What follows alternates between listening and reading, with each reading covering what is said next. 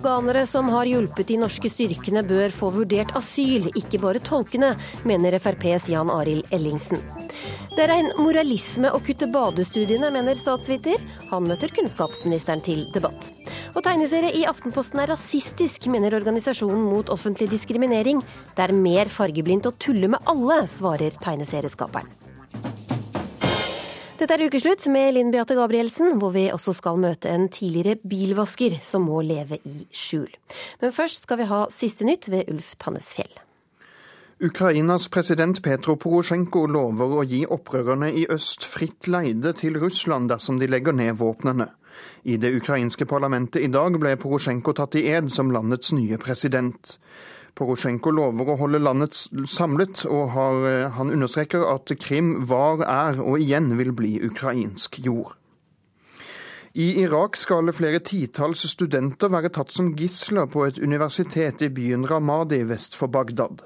Ifølge irakisk politi stormet væpnede menn bygningene i dag tidlig, melder nyhetsbyrået AP. Flere enn 50 mennesker mistet livet i flom nord i Afghanistan. Kraftig regn og flom vasket vekk flere hundre hus i Beglan-provinsen. Flere tusen har flyktet fra hjemmene sine, ifølge en talsmann for provinsguvernøren. Og nå fortsetter ukeslutt med mer om afghanske tolker. Oh, I'm very happy, excited. I really want to say thanks to the veterans. They didn't leave me behind in this fight.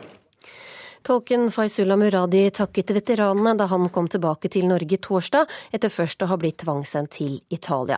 Han får nå asylsøknaden behandlet på nytt. Det får ikke andre lokalt ansatte som har arbeidet for Forsvaret. Generalsekretær Ann Margrit Austnå i Norsk organisasjon for asylsøkere mener også de bør få mulighet til ny behandling av sakene sine. Vi vet at situasjonen i Faryab, den provinsen hvor norske styrker var utstasjonert, er eh, dramatisk forverret eh, siden de trakk seg ut høsten 2012. Eh, og at flere av de som har fått avslag i tidligere behandlingsrunde fra norske myndigheter, nå lever i en situasjon hvor de har måttet flykte fra landsbyene sine pga. trusler. Norske myndigheter har laga en spesiell ordning for lokalt ansatte i Afghanistan som har jobba for norske styrker, der de har fått mulighet til å søke om beskyttelse i Norge. Av mer enn 100 søkere er det 22 som har fått komme til Norge, og alle sammen jobber som tolker. Forsvaret har imidlertid også vært avhengig av andre yrkesgrupper, som snekkere, sjåfører og renholdere. Men ingen av disse har fått søknadene om beskyttelse innvilga. Norske styrker eh, i den type område som Afghanistan eh, er helt avhengig av eh, lokalt ansatte. Eh, og det er i flere funksjoner, ikke bare tolker. Eh, og da følger det et ansvar med når eh, personer utsetter seg for fare ved å samarbeide tett med utenlandske styrker, og dermed bli oppfattet av en del som overløpere eller forrædere. Justisminister Anders Anundsen i Fremskrittspartiet ga UDI instruks om at Muradis asylsøknad skal behandles i Norge. Departementet ønsker imidlertid ikke å si noe om de vil åpne for å gjøre nye vurderinger av andre saker med lokalt ansatte. Men i justiskomiteen sitter Jan Arild Ellingsen for Frp. Han har følgende å si om denne saken. Jeg forutsetter at Forsvaret her gjør en vurdering og tar den opp med Justisdepartementet hvis det er sånn at afghanere sitter igjen som, som levende blinker fordi de har gjort en jobb for oss, så forutsetter jeg at det må regjeringa gjøre en vurdering av. Og det kommer jo folk til, til Norge som verken har bidratt med det ene eller andre som prøver å være her. Hva vil du gjøre overfor dine partikollegaer og, og regjeringa fremover i denne saken nå? Det er veldig tydelig i mitt parti, i stortingsgruppa og hos justisministeren hvor jeg står i denne saken. De som stiller opp for oss, bør vi ta vare på etterpå hvis det er behov for det. Nå synes ikke signalene de så langt har sett fra regjeringa gir noen grunn til optimisme. Det er eh, tydelig motvilje eh, mot dette, eh, siden den åpningen som ble gitt er ganske smal, og det er uklart hvorvidt den omfatter bare tolker, eller om den omfatter også andre typer ansatte. Det bør nå klargjøres, og man bør følge opp for å forsikre seg om at man faktisk gir beskyttelse til alle som trenger det. Justisdepartementet ønsker altså ikke å kommentere denne saken. Reporter var Elisabeth Jacobsen.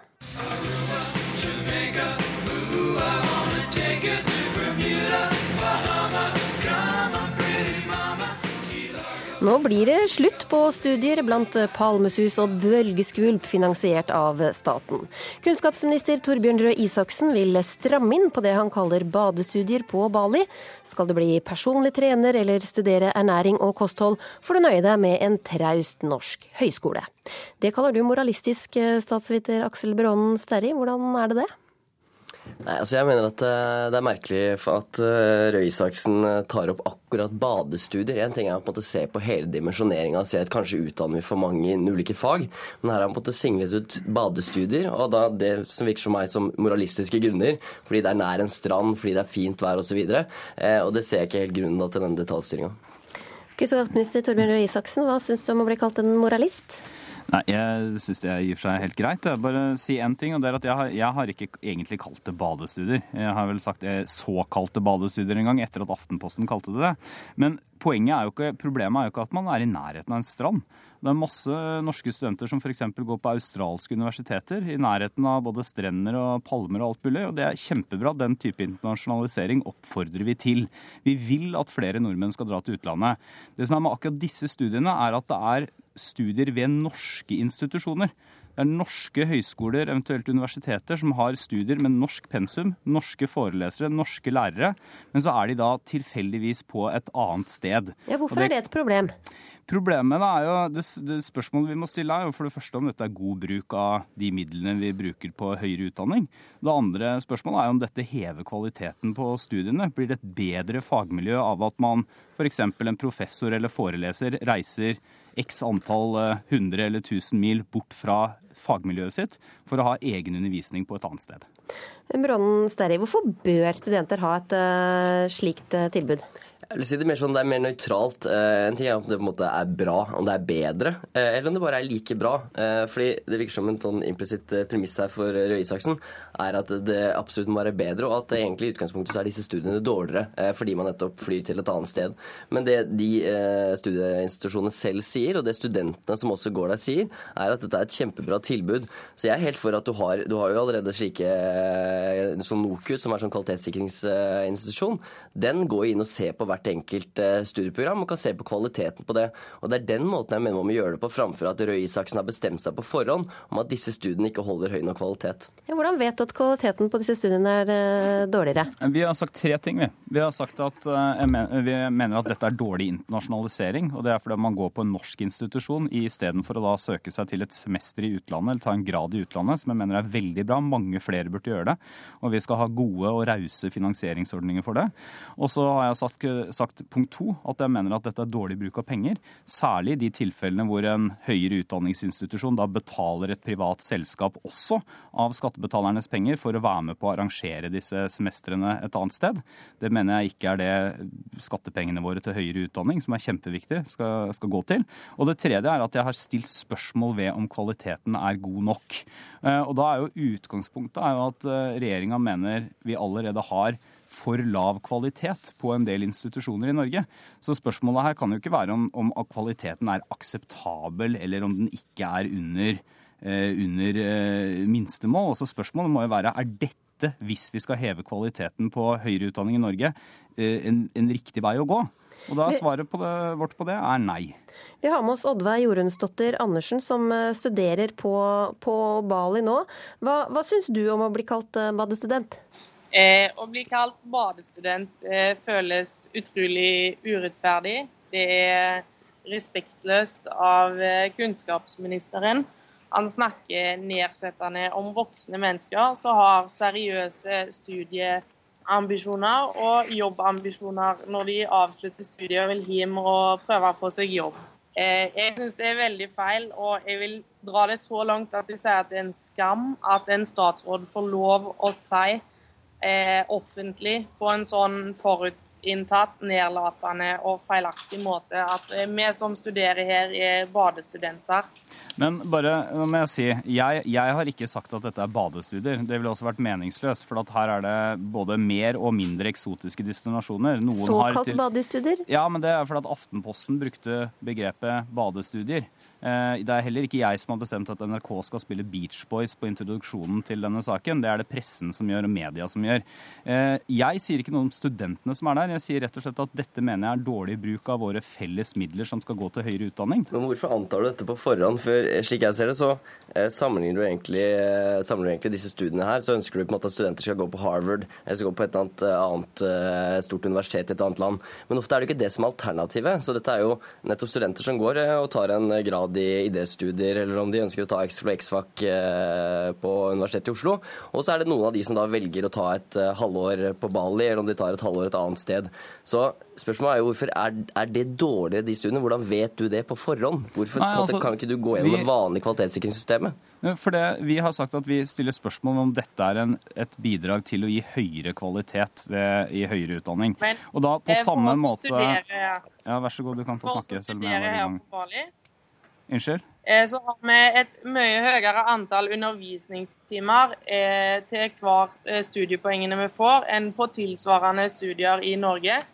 Foreleserne våre de bor her nede med oss og er her med oss, og de underviser på høgskoler og universiteter i Norge òg. Og kvalitet på deres undervisning blir ikke dårligere for at de har satt seg på et fly og kom til Bali. Hvorfor må du reise til Bali da for å bli personlig trener, som er det du studerer?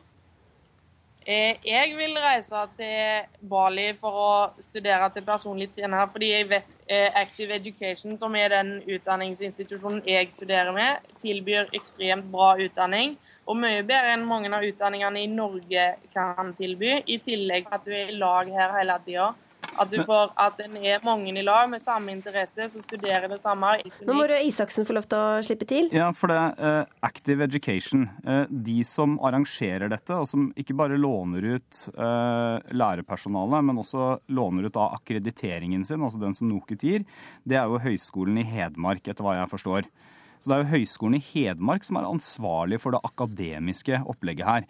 Og jeg vil at norske høyere utdanningsinstitusjoner skal konkurrere og tiltrekke seg studenter fordi de har et godt akademisk opplegg eh, med høye krav, gode forelesere, tett oppfølging av studentene i Norge, og at de skal ha aktiv internasjonalisering hvor de jobber for at studenter ikke Altså Harvard er det veldig få som vil få sjansen til å dra på. Men at studenter skal dra på og ta semestre, enten det er i Indonesia eller Australia eller Kina, Brasil eller USA, så mener jeg at institusjonene skal gjøre mer av det også. Og når vi ser at denne type tilbud har vokst fram og blitt eh, sannsynligvis mer vanlig også de siste årene, så distraherer jo det eh, institusjonene fra å jobbe for den kvaliteten og den internasjonaliseringen som i hvert fall jeg mener at er viktigst. Brønnsteri, hvorfor skal staten finansiere at studenter skal få ligge på stranda? Eh, for meg så er det mer hvem er det som er best egnet til å ta de vurderingene. Eh, så hvis eh, utdanningsinstitusjonen mener at de kan gi et veldig godt tilbud et annet sted, de kan tiltrekke seg studenter som heller kanskje ville dratt på loffetur rundt i verden, eventuelt ville jobbet på et barnehjem i Guatemala, og de da ønsker å ta X-FUL eller X-FAC, eller om de ønsker å ta personlig trener der, så mener jeg at de bør være, få lov til å gjøre det. Og så kan man nettopp ha eksterne kvalitetsorganer som NOKUT, som går inn og vurderer kvaliteten på de enkelte studier. Men jeg mener derimot ikke at man nettopp skal sitte i Oslo hos kunnskapsministeren og vurdere de eh, fagene på forhånd. Men jeg mener at når vi bruker milliarder av kroner på høyere utdanning i Norge, og det skal vi fortsette å gjøre, vi skal til og med bruke mer, så er det helt rimelig også at vi som folkevalgte har noen krav til institusjonene våre. Eh, og jeg registrerer jo bare at fra det politiske miljøet så har det ikke vært store protester mot dette. Eh, dette har vokst fram de siste 20 årene. Nå setter vi en strek for det. Andersen, er det bare en myte at studentene der ligger på stranda? Slapper av? Ja, det er faktisk en myte, for det blir det veldig lite av. For vi skal ta 30 studiepoeng på 14 uker. Vi har fire til åtte timer eh, obligatorisk undervisning. Du skal eh, snart du, du, du, skal hjem til Norge til uka. Du får, eh, du, du får ta med deg Røe Isaksen og vise hva du har lært. Takk. Ja, jeg har veldig lyst til å tilby Røe Isaksen en PT-time. Ja, det, det, takker, takker for det. Mange fikk eh, bakoversveis da de så tegneseriestripa Vitenskapelige hypoteser i Aftenposten denne uka. Den hadde undertittelen Hvorfor de smiler og ler så mye i Afrika. Så ser vi fire afrikanere utenfor en stråhytte, hvor den ene sier ja ja, karer, så sitter vi her og glor igjen, da. Hva om vi letter på ræva og hjelper konene våre å holde landsbyen i gang? Hvorpå alle sammen ler høyt. Men uh, du lo ikke, Oddvar de Leon, leder i Organisasjonen mot offentlig diskriminering. Hva ser du når du leser denne stripa? Altså Først må jeg si jeg tror ikke vedkommende har hatt noen rasistiske intensjoner. Men det er jo en klassisk rasistisk tegning med en lang historie. Den kan du finne i kanskje et par 300 år tilbake i tid. Og den har brukt, blitt brukt i mange forskjellige sammenhenger. Og ikke minst de, den samtalen som de har seg imellom, også påpeker i, i det som man kan kalle for stereotyp når det gjelder hvordan de beskriver lathet blant afrikanske menn osv. Så, videre. så det som er uheldig, er at um, men er det ikke greit å, å, snakke om lathet blant afrikanske menn? Uh, men uh, det er når du bare snakker om lathet blant afrikanske menn som problemet oppstår. Fordi det er ikke afrikanere i Norge som kontrollerer media, og det er uh, nokså ofte en, en negativ fremstilling av afrikanere og utlendinger i norske medier. Og det er den balansen man leter etter. Så det er med andre ord Du skal si noe negativt, men du må også si noe positivt. Det er den balansen man leter etter. Og for unge mennesker som ikke vet noe bedre, de er med på dette. Hmm. Aftenposten de har uh, lagt seg flate etter uh, kritikken, men uh, Vebjørn Velo, du er manusforfatter for denne stripa. og Hva tenker du om at det her blir oppfatta rasistisk? Nei, Jeg kan begynne med å kommentere det som ble sagt. Altså, min oppfatning er jo at det er ingen som snakker om jeg vil ikke bruke ordet lavskap, men den handlingslammelsen som jeg tar fatt i i den tegneserien. Det er ingen som snakker om det, og det var litt av utgangspunktet for Stripen. Og altså Stripen tar tak i et veldokumentert amerikansk-afrikansk problem som eh, kanskje ikke mange vet om, men det er allikevel veldokumentert. Dagbladet hadde i 2002 en sak hvor eh, overskriften lød noe sånn som kvinnene gjør alt arbeid i Afrika, mens mennene tilsynelatende bare sitter og ser på.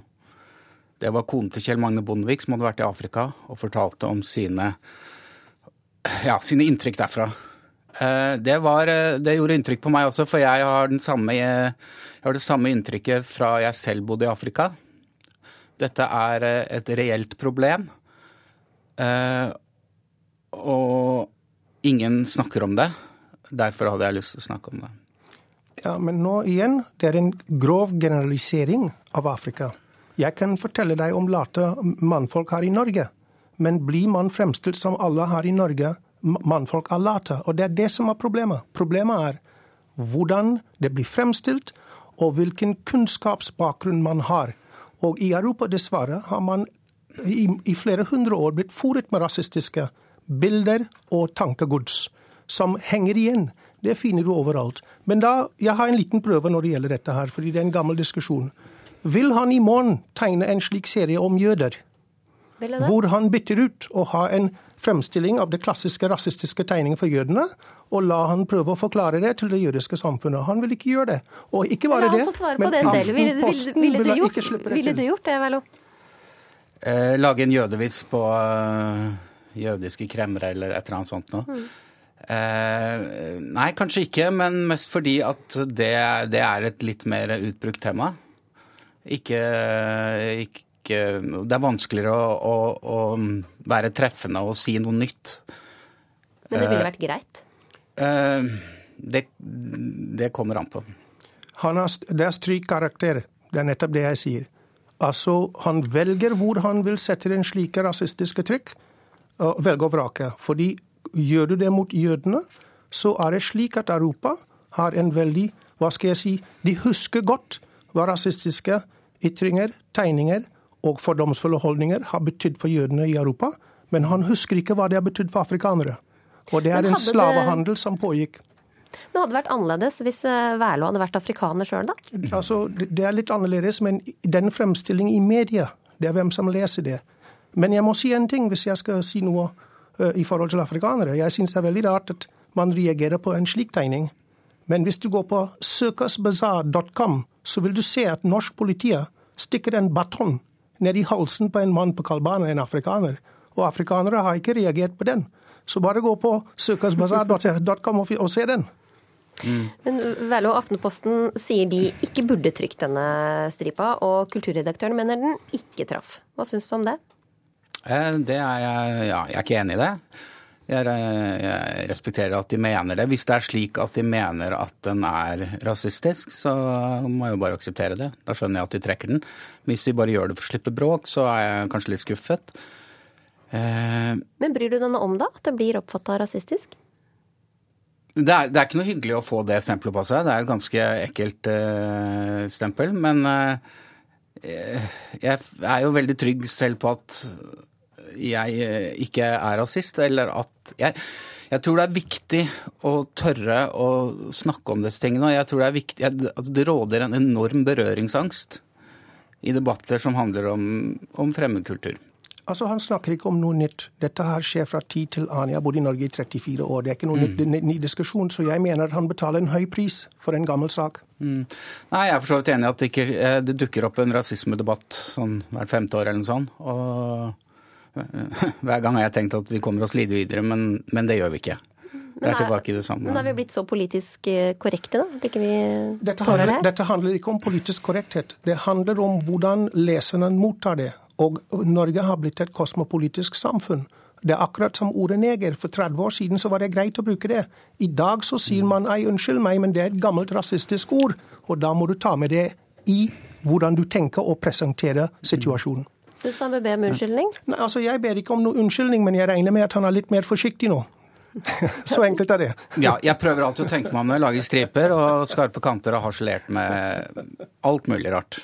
Og jeg kan, jeg kan, ikke se at afrikanere har verken krav på eller behov for å bli utelatt fra den satiren.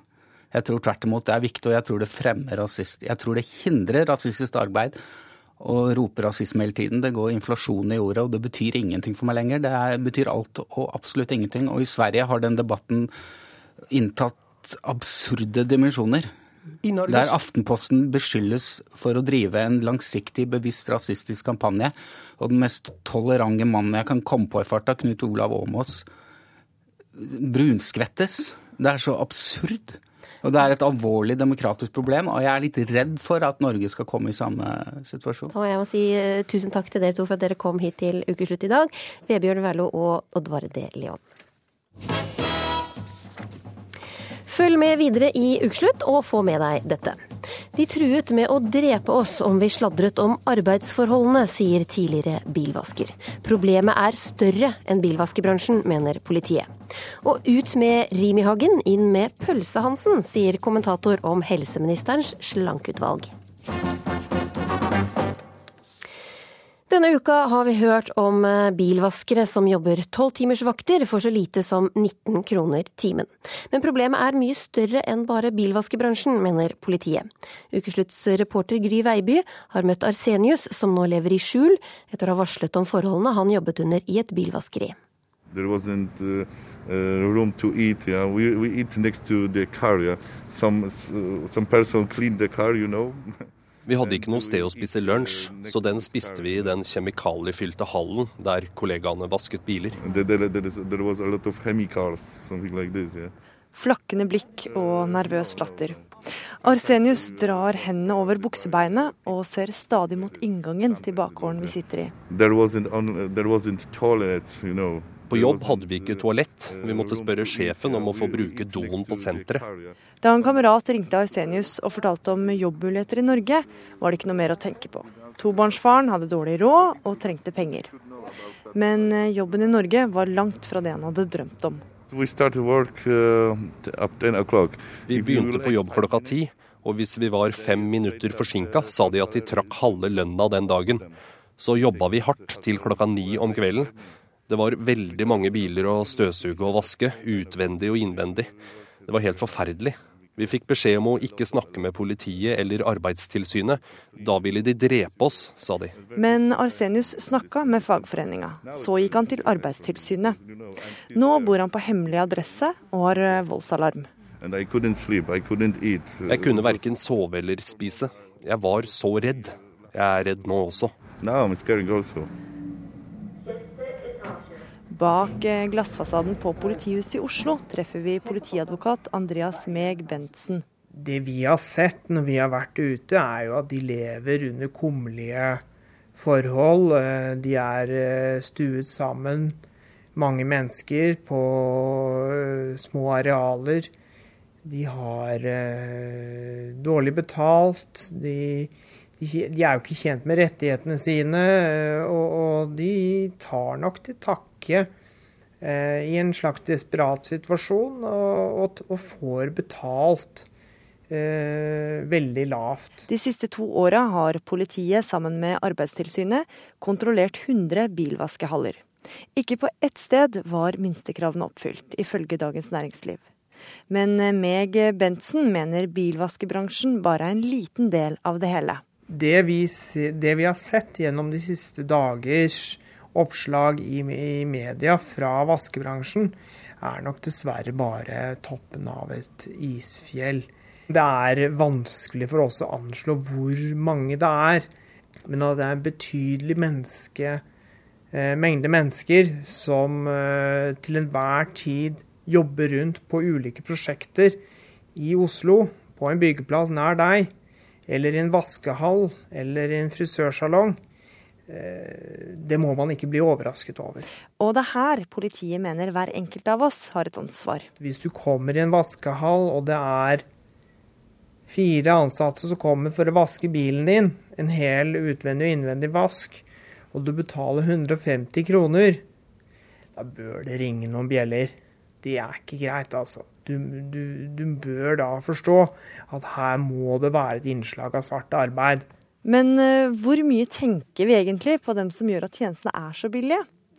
La oss snakke med yrkesgruppa som vasker bilen sin ofte, drosjesjåførene. Av dem vi snakka med, syntes mange at billig bilvask er greit. Hvor mye betaler du for å vaske bilen? Ca. 100-120 eller, eller 200, jeg vet ikke. Hvor mye betaler du for å vaske bilen din, da? Jeg betaler 160 kroner. Det, det, jeg holder på med er ikke så veldig godt betalt selv heller, sånn at det står jo i hvert fall i stil. Ja, Det er en lavtlønnsjobb, men de, de, går videre. Men det er en fase inn i i, inn i arbeidslivet. Altså. Hva syns du om det? Bilvask for 120 kroner? Jeg syns det er forferdelig. Men uh, det, det, er bare sånn det er. fordi at disse folka har jo drevet på årevis. Det er konkurransen som er ute. Noen uh, setter pris f.eks. 120, og noen 100 og noe sånt. Det er ikke bra, men det er mye fattigdom i hele verden, vet du. Men sånn er det i andre bransjer i Norge. Noen får bedre betalt, andre får dårlig betalt. Vi mener jo det at når folk benytter svart arbeid, så er de med på å undergrave det fellesskapet vi har. Altså et samfunn bygd opp med en velferdsstat som er avhengig av en skatteinngang og avgifter, nettopp for å kunne betale for veier, sykehjemsplasser og skole. Det handler jo noe om et, om et samfunn skal akseptere at dette foregår rett utenfor stuedøren din. At mennesker blir utnyttet, og at noen skal profitere på dette. Og i tillegg ikke ønsker å bidra til den, den, det velferdssamfunnet vi har i dag. Og, jeg er bekymret uh, for den utviklingen. Firmaet Arsenius jobba for, er anmeldt for menneskehandel, og Fellesforbundet sier saken er et av de verste eksemplene på sosial dumping de har sett. Yeah, because one, one, one person uh, clean, uh, for, for example, dashboard. Yeah. En person gjorde rent dashbordet, en støvsuga innvendig og en vaska utvendig. Jeg tror kunden betalte mellom 400 eller 500 kroner. Av det fikk jeg timesbetalt, men ser du på det jeg har fått utbetalt, utgjør vel lønna 17 kroner i timen.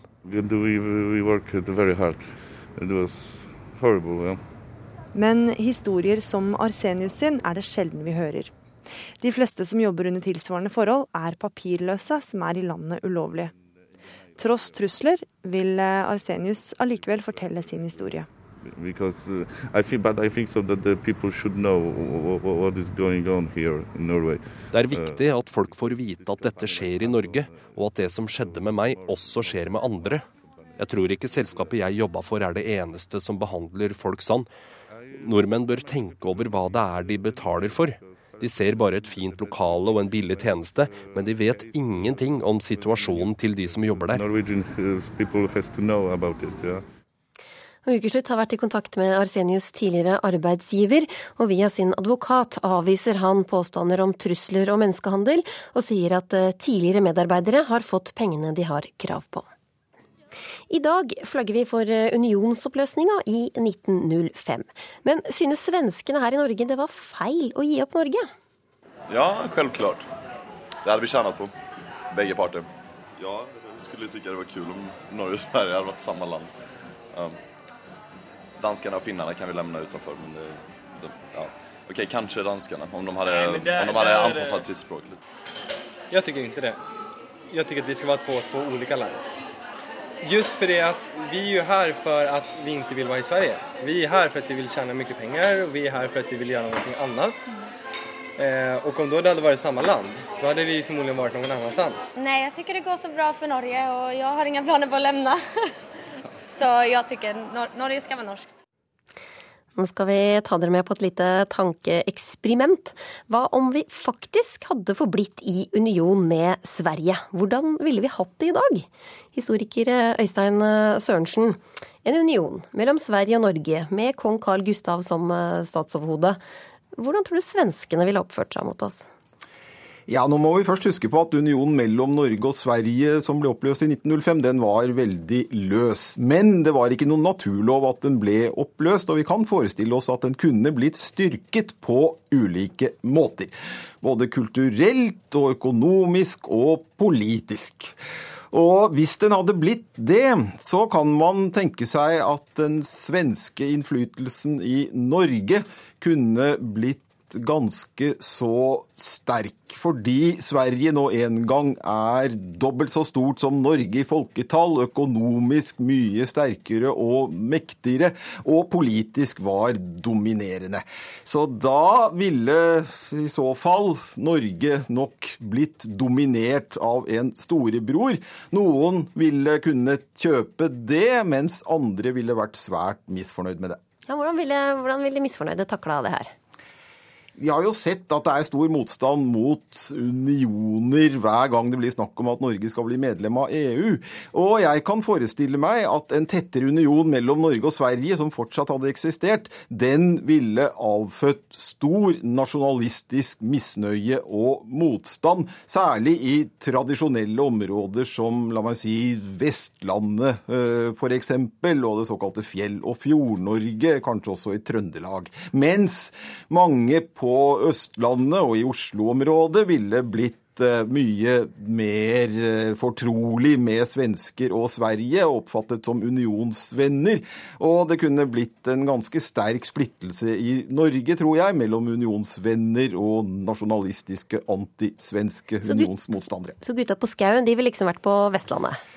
Ja, Det aller mest dramatiske scenarioet vi kan tenke oss, er at det ville oppstått små militante grupper som hadde bekjempet eh, unionen, og særlig det svenske overherredømmet, med vold. Altså, la meg si sånn som man har opplevd det i den virkelige verden i Irland, eh, f.eks. Da kunne det eskalert og blitt ganske utrivelig, og da kunne gutta på skauen vært et begrep, og svenskehat vært et helt annet begrep enn det de to faktisk er i dag. Hadde ikke handla så mye om skisport. Dag Gravem, du oversetter eh, tegneserien Rocky fra svensk til eh, norsk. Kan du først bare si to, år, to ord om hva slags tegneserie Rocky er? Ja, det er en selvbiografisk tegneserie av den svenske serieskaperen Martin Kellermann. Det er også en antropomorf serie der han tegner figurene som ulike dyr, basert på deres personlige egenskaper. Han tegner seg selv som en hund, f.eks. Um, og min jobb går ut på å adaptere, ikke bare, ikke bare ikke bare handling, men også miljøer og alt mulig fra Sverige og Stockholm til Norge og primært Oslo. Ja, hvor enkelt er det, da? Jeg vil si at det er ofte overraskende enkelt å finne parallelle kulturelle referanser, det være seg politisk eller eller fenomener, eller noen ganger klisjeer. Det lar seg stort sett alltid gjøre å finne, å finne noe. Noen ganger må man dikte litt friere. Men jeg vil slå et slag for likheten mellom Norge og Sverige, og tror ikke det hadde vært så, så fryktelig annerledes. For hvis vi skulle sett for oss en sånn union, Eh, så ser jeg for meg at da ville det også vært en sterkere grad av eh, Det måtte vært en sterkere grad av integrering, som måtte ha begynt tidligere på 1800-tallet, rett og slett, hvis det skulle vært realistisk. Men tror du at eh, nordmennene hadde vært en logrende puddel og svenskene en bitende bulldog i en sånn union? Man må også da tenke seg altså Hvis vi hadde hatt politisk integrasjon og en arbeiderbevegelse som var felles for Norge og Sverige, det ville jo også fungert integrerende, tenker jeg, tenker jeg da. Um, Stockholm ville nok fortsatt være storebror og hatt en enda større brain drain dit av f.eks.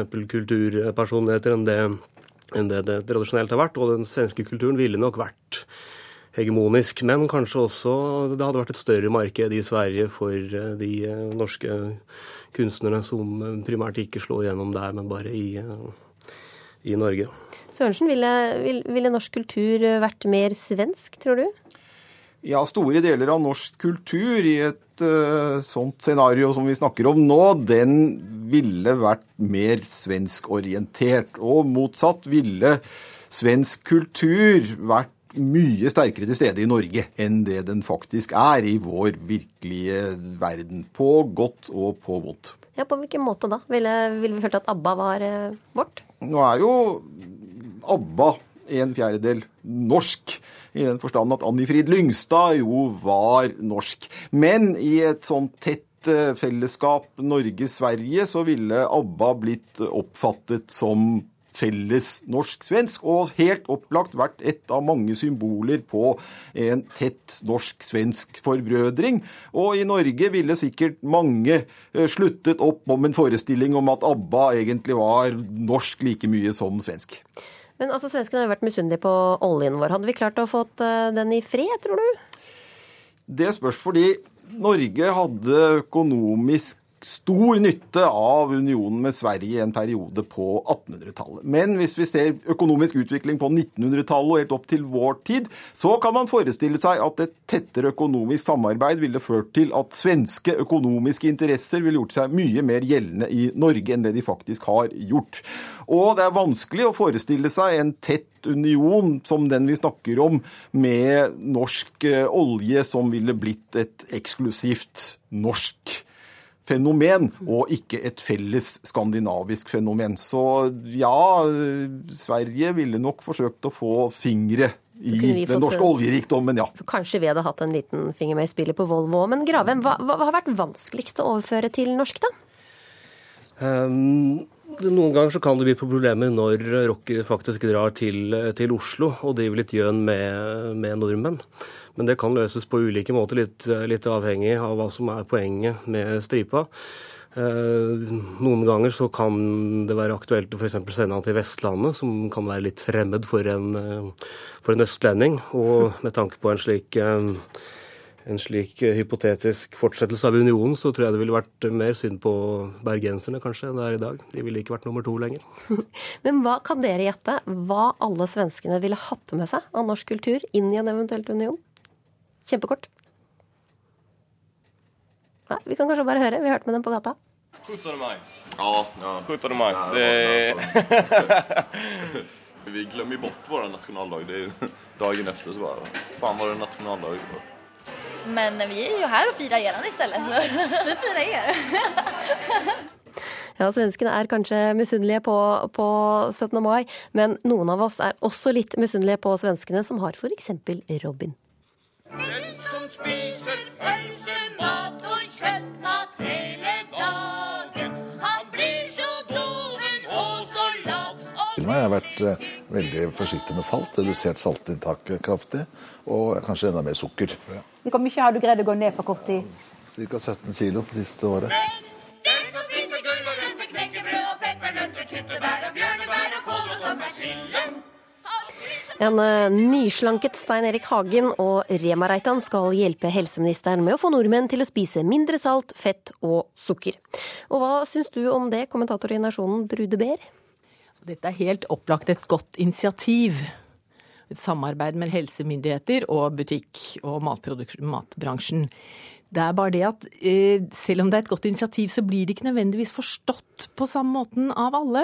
Og det er klart når Stein Erik Hagen umiddelbart slipper til i mediene og forteller hvor mange tonn salt og sukker og palmeolje han har kuttet ut av, eller Orkla har kuttet ut av eh, sin matproduksjon, så blir det egen reklame med en gang. Og da kommer piggene litt ut.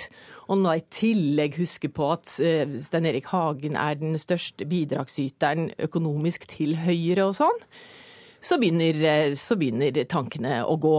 Mm. Helseminister eh, Bent Høie. Er rike Stein Erik Hagen et forbilde folk vil høre på, tror du, eller får de piggene ute, som Trude her? Altså, Hensikten med den gruppa jeg har nedsatt, det er jo ikke å gi verken meg eller folk råd. Hensikten med den gruppa er at jeg skal få de som lager maten og selger den maten som i all hovedsak vi i Norge spiser, til å forplikte seg på å redusere det som er skadelig. Enten i form av helt konkret, som vi er blitt enige nå, om å redusere saltinnholdet i mat.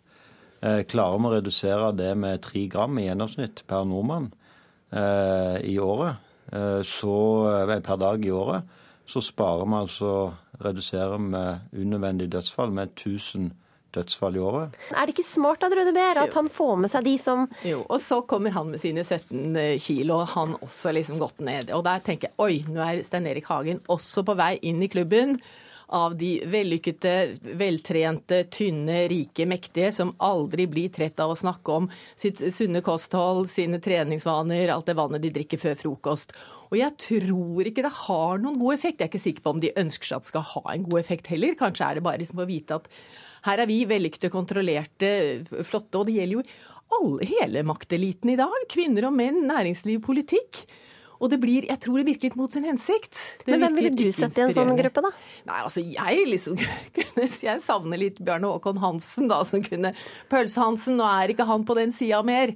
Men altså, han kunne liksom fått eh, oss andre til å til å liksom, eller fått folk flest til å føle seg, identifisere seg litt med det. Også Grunnen til at jeg hisser meg litt opp, er jo også at vi nettopp har hatt eh, herr og fru Stordalen, Petter Stordalen og Gunhild Stordalen, som har stått frem med sitt, sitt internasjonale for, globale forum EAT som skal arbeide for eh, bedre kosthold, mindre livsstilssykdommer og sånn. Og det er også en sånn, også en sånn eliteklubb sånn med forbilde i eh, World Economic Forum, Davos. Mm. mm. Ikke sant? Og det, er, og, og, det er også de mektigste folka. Og EAT hadde sitt første møte i Stockholm, og der satt prinsessene Mette-Marit og Victoria på første benk, og Bill Clinton var. Men nå har vi havnet litt eh, langt unna Høies eh, utvalg her. Men du kunne ikke hatt med Pølse-Hansen, da? Ja, Sist jeg sjekket, så driver ikke Pølsehalsen med pølseproduksjon. Men hadde han drevet med pølseproduksjon, så hadde han vært invitert med i utvalget. For hele hensikten her er jo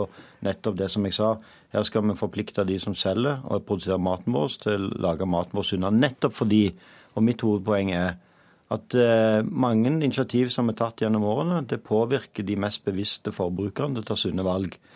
Men eh, hvis jeg får den gjengen som var samla hos meg, til å redusere saltinnholdet i maten, så når vi fram i brødskuffene og eh, kjøttdeigen til alle nordmenn.